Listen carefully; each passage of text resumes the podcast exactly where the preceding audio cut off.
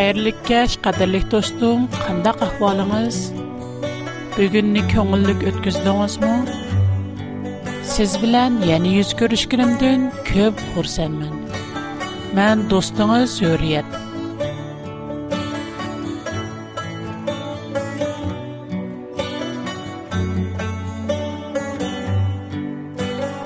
hayot nima degan tez do'stim Моши bir апта мен үчүн бек tez o'tib ketdi siz his qildingizmi shaxsan siz va mening esil sovg'atlar programmamizga qadam tashrif qilg'aysiz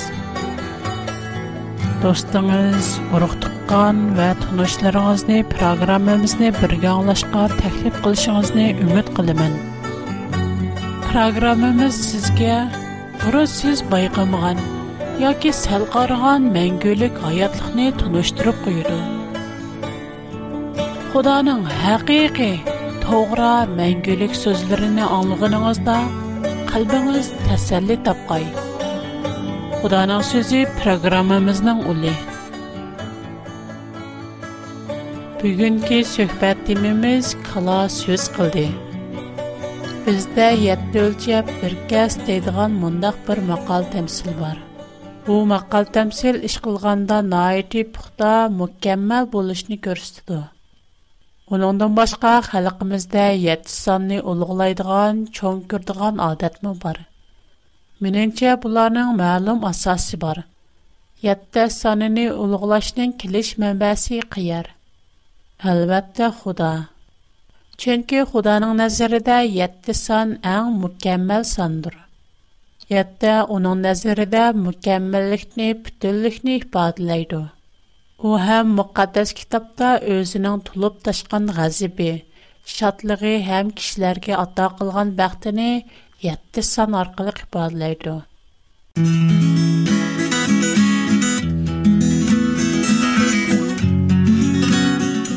Бүгін біз мұшу етті санығы мұнасуәтлік бір нәтче хикайыны көріп өтмәкчімін. Қадирлих тостарымның яхтырып аңлышыни үміт қылмэн. 1990-нин жили Синтабырда Австралияның енидіки кичик аралар зиміни, ени Сулайман Арлилики Куайбайта зиміни да мундах бір ваға юзбарди. Куайбайта зимінинің аң али рахбири хэм шу жердіки ибадатханінің пастыри бұлған Тимоси бір шэмбігіні айали ба балысни елиб өзнің сайлыгіні Seylikə yetib beriş üçün kalalar yeyiladigan kiçik bir çıtlaqdan ötüşkə toğır gələtdi. Bu çıtlaqda 10 neçə kala və azraq öçkü olub, Тимоси қашадан кіргенде отлаватқан бүтін калалар рәтлік болып бір сәпке тізілді. Тимоси көңілінде біз уларға якынлашқанда улар чечиліп бізге yol бұрдығы деп ойлады. Давамлық уларға қарап якынлашты. Бірақ, қалылар худди парадден үтудган аскардик төп-дөз ва рәтлик түзілган булыб, олар өз яйра шу петіда Тимосиға қарап тикилип түрій вэрди. Тимоси қалыларни айланып үтішчын өз йолини сол тарапки бориди. Бірақ, қалыларниң әң жетидики, әң симиз ва әң йоган бірбуға күвай-байда тили білен Тимосиға сүзліди. Nima uchun siz saylikka mushu kun, mushu vaqtda keldingiz? Bugun Xudoning 7-chi kun dam olish kuni bilmadingizmi? Timosi bak hayron bo'lib, atrofiga qarab o'ziga kimning gap qotganligini tekshirdi. Lekin uning atrofida ayoli, balasi va kalalardan boshqa hech kim yo'q edi. Buqining eg'izi bo'lsa midirab turardi. Тихы му айран қаларлықи бука уның ісмина тап. Тимоси, ай Тимоси, мэн сізге гэп қылватыман, диди. Хор куныштин Тимоси нан бадалары лағылдап тистирап кәтти. Бурон о бунда қышқа юл қуп бахмаған. Уның айали вэ балысы му букуның гэп қылғыны не Тимоси тистирап дуруп аралла, сіның ішчанда джин бар диялиди. Яг. Мен шейтан emas. Мен Əysanın ovozi bilan sizga so'zlayotman. Bugun Xudoning dam elish kuni bilamsiz. Xudo sizga 6 kunni ishlashingiz uchun o'rinlashtirdi. 7-chi kun shanba orom edish kuni. Buni bilmadingizmi?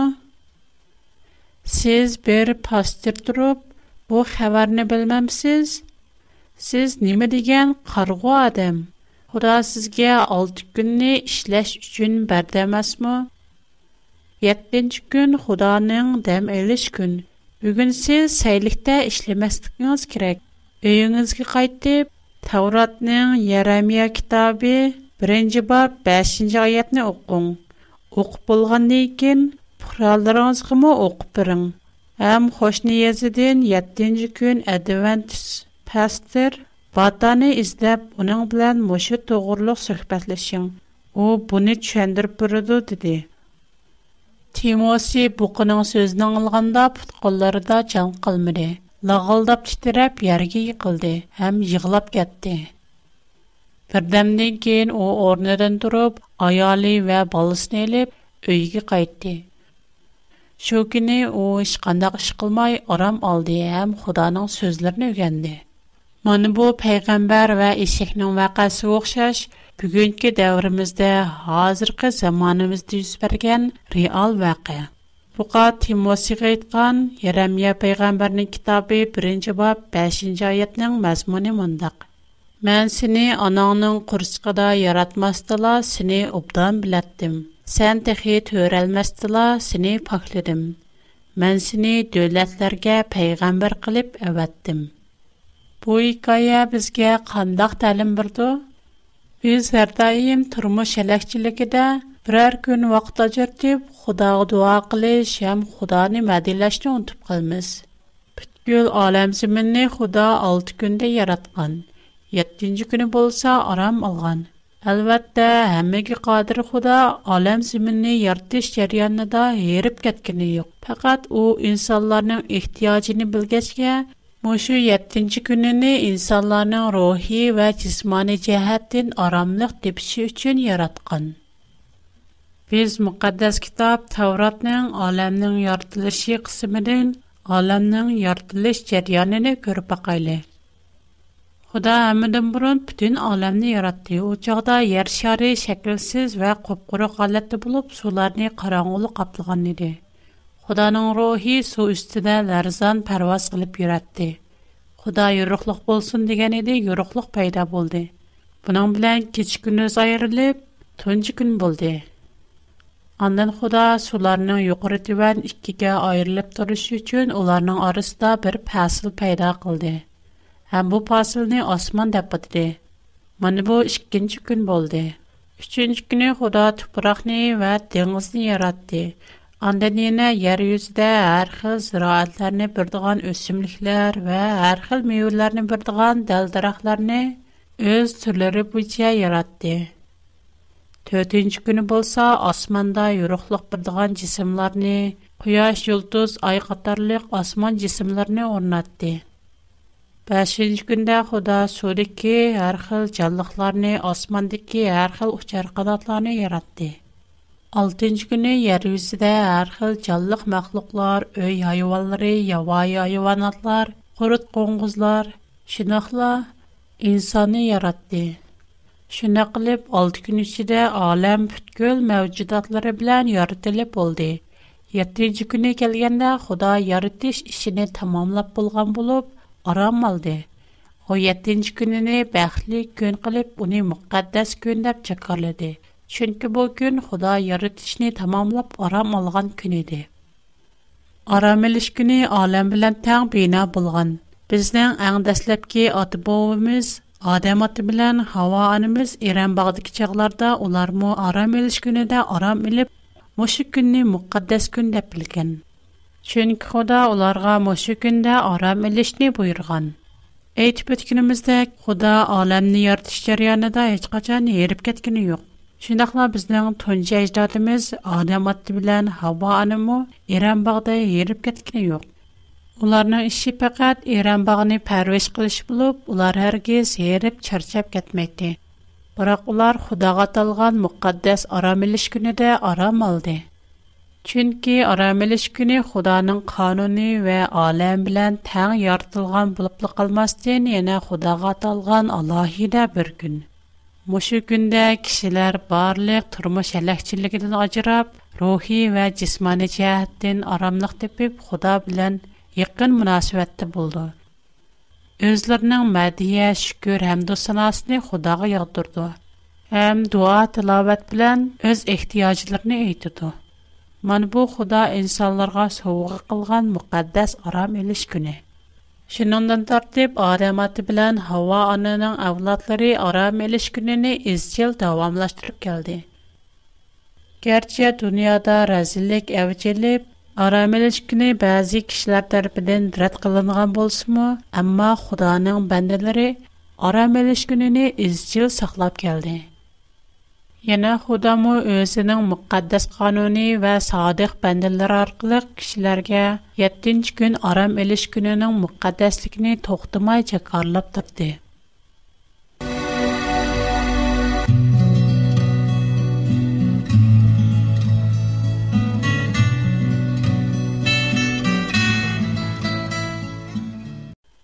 İsraillər çöldə 40 yıl sərgərdən bulub yürgən məzgildə xuda Musa Peyğəmbər və çallıq dərs arqılıq İsraillərə. Şündəxlə başqa barlıq kişilərgə 7-ci gün aram eləş gününün mühimləğini büldürdü. İsraillər Mısırdə qol bulub durğan vaqtda 7-ci gün aram eləş gününü unutuk etkən idi. Onlar 7-ci gününü unutuk etkən idi. Eger qullyq hayatyda Huda nime untyp getdi. Şo xuda, Israillarlaryny misirnin qullygydan azad kylganyndan kyn çylda olarga özüniň 7-nji güni və mehir muhabbetini gaýta bildirdi. Bolupmy xuda, Israillar çölde 40 ýyl sergardan bolup ýergen mazgylda olarga her güni osmandan yemeklik ýagdyryp berdi. Tövəndə mən qədərlik dostlarımğa Təvratның Misirdən çıxış qismi 16-cı babdakı bunu hekayəni oxub ötəy. Pərverdigar Musağa, mən asmandan yeməklik yağdırıram. İsraillər hər günü çıxıb şu günlük ozuqını yığvalsın. Bu arqalıq mən onlarını sınab, onların yol yoruqlarımğa itaət qılğan qılmğanlıqığa qarayman. Lakin Hər həftənin 6-cı günü ular 2 günlük ozuqni yığıb alsın dedi. Keçqurun san-sanaqsız böyrünə uçub gəlib bütün qarargahını qapladı. Ətsi səhərdə qarargahın ətrafındakı yer yüzünə şəbnəm düşkən idi. Şəbnəm parlanğandan keyin çöllüknің yer yüzüdə nepiz bir qavət qırodək nərsə göründü. İsraillər bunun nimikəlikini bilişəlmək bir-biridən Бу немедо деп сорашты. Муса аларга: "Бу булса Парвардигар силәргә ата кылган йемеклек. Парвардигар һәр биреңнәрне үз ихтиҗыгы карап, һәр аилә кеше бешига 2 качыдан йыгылсын" деп буйрган диде. Исраиллар Худаның әмри буенча эш күрде. Муса аларга: "Йемеклекне 2нче көнгә ашырып куешка рөхсәт юк" диде. Ләкин бәзләр Мусаның сөзен аңламай, әдсе әтгәнгә бер аз ашырып койды. Бирок ашырып куйылган йемеклекнең һәммәсе курытлап сесеп кетти. Шуның белән Муса уларга хапу булды. Әмма адам һәр көне әттегәндәлә чыгып, өзгә ихтиҗлык йемеклек ягылатты. Чөнки көн кызган вакытта йемеклек ирип Altıncı günü ular bir həssə artıq, yəni hər kişi tört qaçıdan yeməklik yığvaldı. Xalq içidiki aqsaqallar bu işni Musağa məlum qıldı. Musa onlarga, Pərverdigar, ətə dəm eliş günü, bu gün Pərverdigarğa atılışı kerek. Бүгін отты қақлап вә суды қайнетіп пішірдіғаларыңларны халығыныңларча пішіріңлар. Eşib qalğınını ətigə qaldırınlar deyə buyurğan, dedi. Ular Musanın tapşırığı boyunca eşib qalğan yeməklərini ikinci günügə qaldırğınıda qurutlapmı qalmadı, sesibmi qalmadı. Musa onlarga: "Bugun məşu yeməkliklərini yanlar. Чөнки Пәрвәрдигарга атылдыган дәм элиш көне сезләр ярдән һеч кандак йемәклек таба алмайсызлар. Сезләр чукум 6 көн ичидә йемәклек ягылаңлар. 7-нче көн дәм элиш көне булып, бу көне һеч нәрсә табалмайсызлар диде. 7-нче көне бәзләр янала йемәклек якылы чыккан иде, ләкин улар һеч нәрсә табалмады. Пәрвәрдигар Мусаға "Бу халык һәлгәчә минең әмер фәрманларымны рәт кылып атамды. Исеңләрдә тутыңлар ки, мен булсам Пәрвәрдигар дурмен. Мен сезләргә дәм элиш көне ата кылдым." Şu sebepten 6-cı günü sizlərə 2 günlük yeməklik verdim. 7-ci günü həmmə adam sırtqı çıxmay öydə oldursun dedi. Şuna İsraillər 7-ci günü iş qılmay dəm elişdi. İsraillər bu yeməklikni mana da batıdı. O aş kökünün orqağa oxşaş axranlıq bulub təmi həsəl qoşulğan nanğa oxşaydı. Yuqurda mən oxub ötən Tavratning Misrdan chiqish qismidagi bu hikoya bizga qandoq ta'lim berdi? Tavratdagi bu hikoya bilan zamonimizda yuz bergan kal voqeasining shundoq bir o'xshashligi borki, u bo'lsimi 7-chi kun aram elish kunining muqaddasligi. Xudo o'zining 7-chi kun aram elish kunini noiti muqaddas biladi. 7-chi kun zari qaysi kun?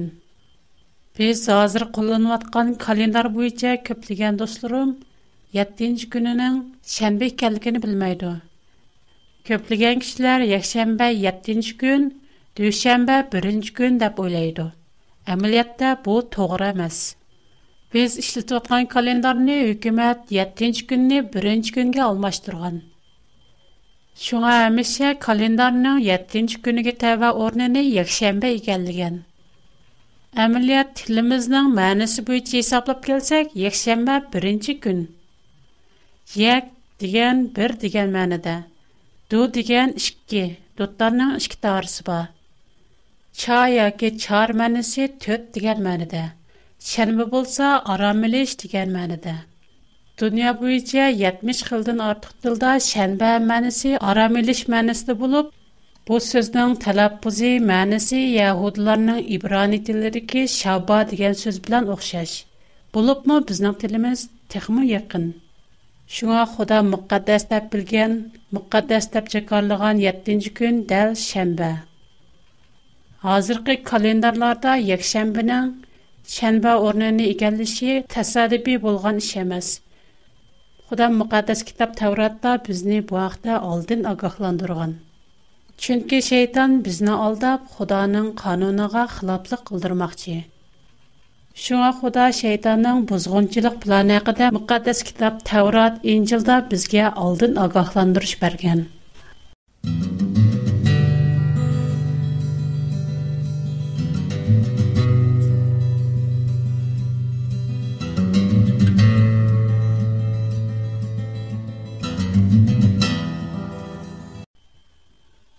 Xuda İsraillərinin 7-ci günü işləməy aram eləşi üçün 6-cı günü onlara 2 əssə artıq yeməklik verdi. Adətki günü İsraillər artıq yığılğan yeməklik sesib qurutlab ketgan bolsa, amma 6-cı günü yığılğan 2 əssə yeməklik öz bitida nəhayət yaxşı turdi. Qurutlab ketmedi yoki sesib ketmedi. Bunundan nimini düşəngili buladı? Mana bu 7-ci gün aram veriş günü əməliyyatda insanlar üçündür. Çünki insanlar özünün turmuş hələkçilikindən acırıb, şu gündə Xudanın aldığı kilib, Xudanın yaratış xidmətini mədəliygini də Xudanın həqiqətən uluq, mehir şəfqətlik, adil və küyümçən ikəlikini çoğunqur bilib his qılalaydı. Xuddi Yeremiya Peyğəmbər etqəndək, Adəm bu dünyaya törəlməsdilər, Худа уларның ихтиячи хаҗитене билдо. Хәтта һәр бер адамның чечинең санын му энек билдо. Мөкаддәс китап Таврат, Инҗил бүтән инсанларга берилгенедәк 7нче көн арам элеш көне бүтән инсанларга берилгән. У мәлум бер кавымгә, мәлум бер милләткә берилгән эмас. Бәзләр 7нче көн арам элеш көне фақат Исраилларга берилгән Әке я гудлар ва шуның охшаш базэ илахидә миллатларга бирилган деп карайды. Әмметдә бу турыбыз. Чөнки 7-нче күн әлем бернә булганын тәртип башланган. Бизнең төнче аждадемез Адам хатта һава ана 7-нче күн шәмбедә арамэлешне башлагандан тәртип, аның авлатлары эз чилтәдә 7-нче күн шәмбедә арамэлешне дәвамлаштырып Нух алейхиссалам, Ибраһим пайгамбар, Исах, Якуб, Юсуп, Давуд, Сулайман қатарлык пайгамбарлар 7-нче көн арамелешне изжил дәвамлаштырып келген. Хәтта Куран Кәримнең өзе дә Мухаммад 7-нче көн арамелеш көнен тәэкидлайды. Мухаммадның өзе 7-нче көн шәмбедә арам алган. Құран-Кәрім 4-ші сүре Ниса 154-ші аят. Улардан әхд алмақ үшін үстіге турны тикләп қойдық. Уларға дәрвазасын сәждә қылған алда кираңлар дедік. Һәм дә уларға шәнбінің хөрмәтіне сақлаңлар дедік. Улардан мәхкәм вәдә алдық. 47-ші аят.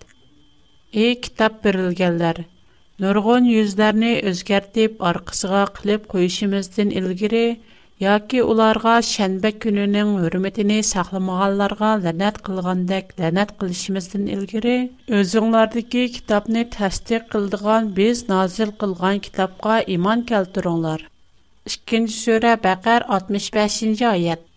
Араңлардығы шәнбек күні тоғырысыдығы шәриәт чәклемісіден чықып кәткішілеріні әлбәтті Без оларга хар маймун булып китеңләр дидек. 5-нче сүре 59-нчы аят.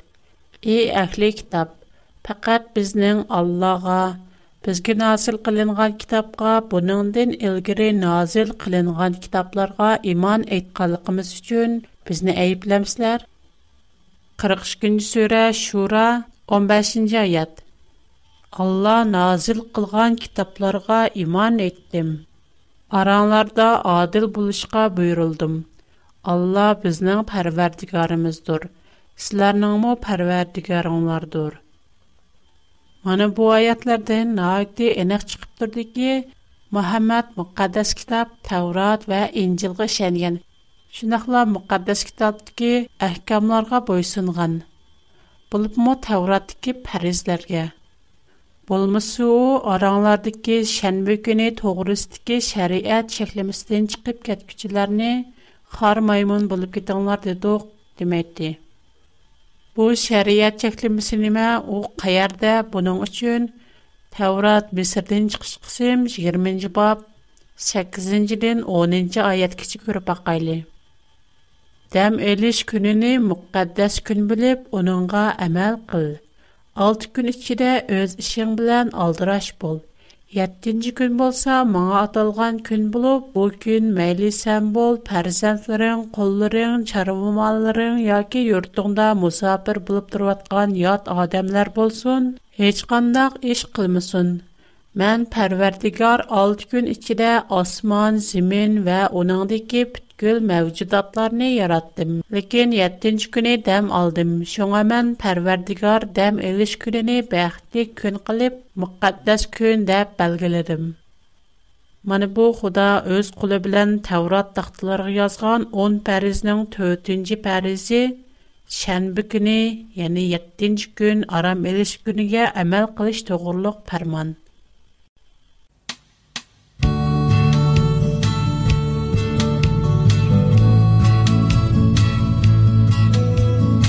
Программа ахырда достумга тор адресим, pochta adresimni deb bermoqchiman.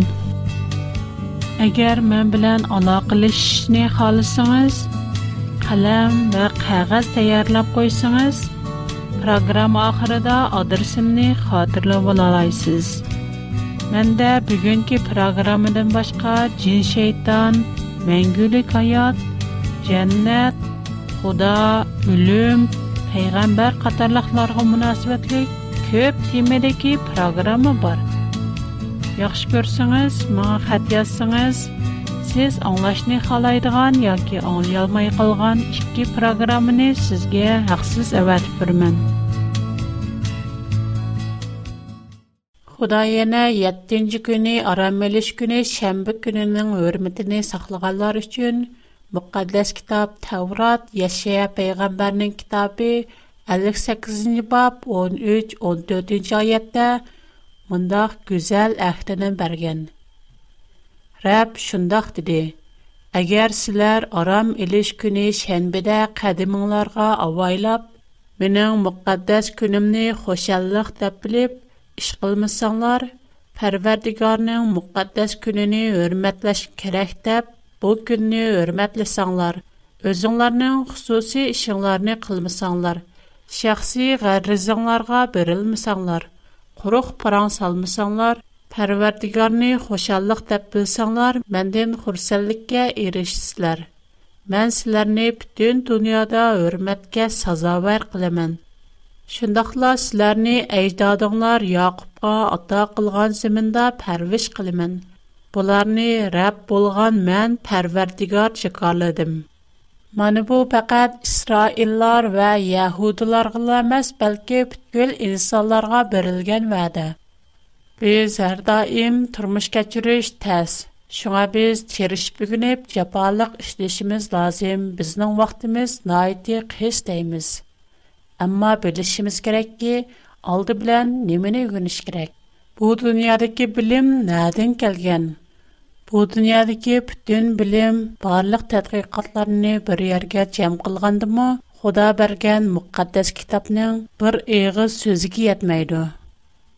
Əgər biz Xudanın sözü büyücə 7-ci gün şənbədə aram alsaq, bir gün vaxt acırtıb Xudanın aldığı gəlsək, dua tilavətimiz arqılıq Xuda bilən yıqın münasibətdə bolsaq, mədiyə naxşilərimiz bilən Xudanın uluqluqını mədilisək, Уның яртыш хезмәттә булган мәмнунлыгыбыз, тәшәккүребез, хурсәнлегебезне ифадаласак, әлбәттә bu biz өчен иң чоң бәхет.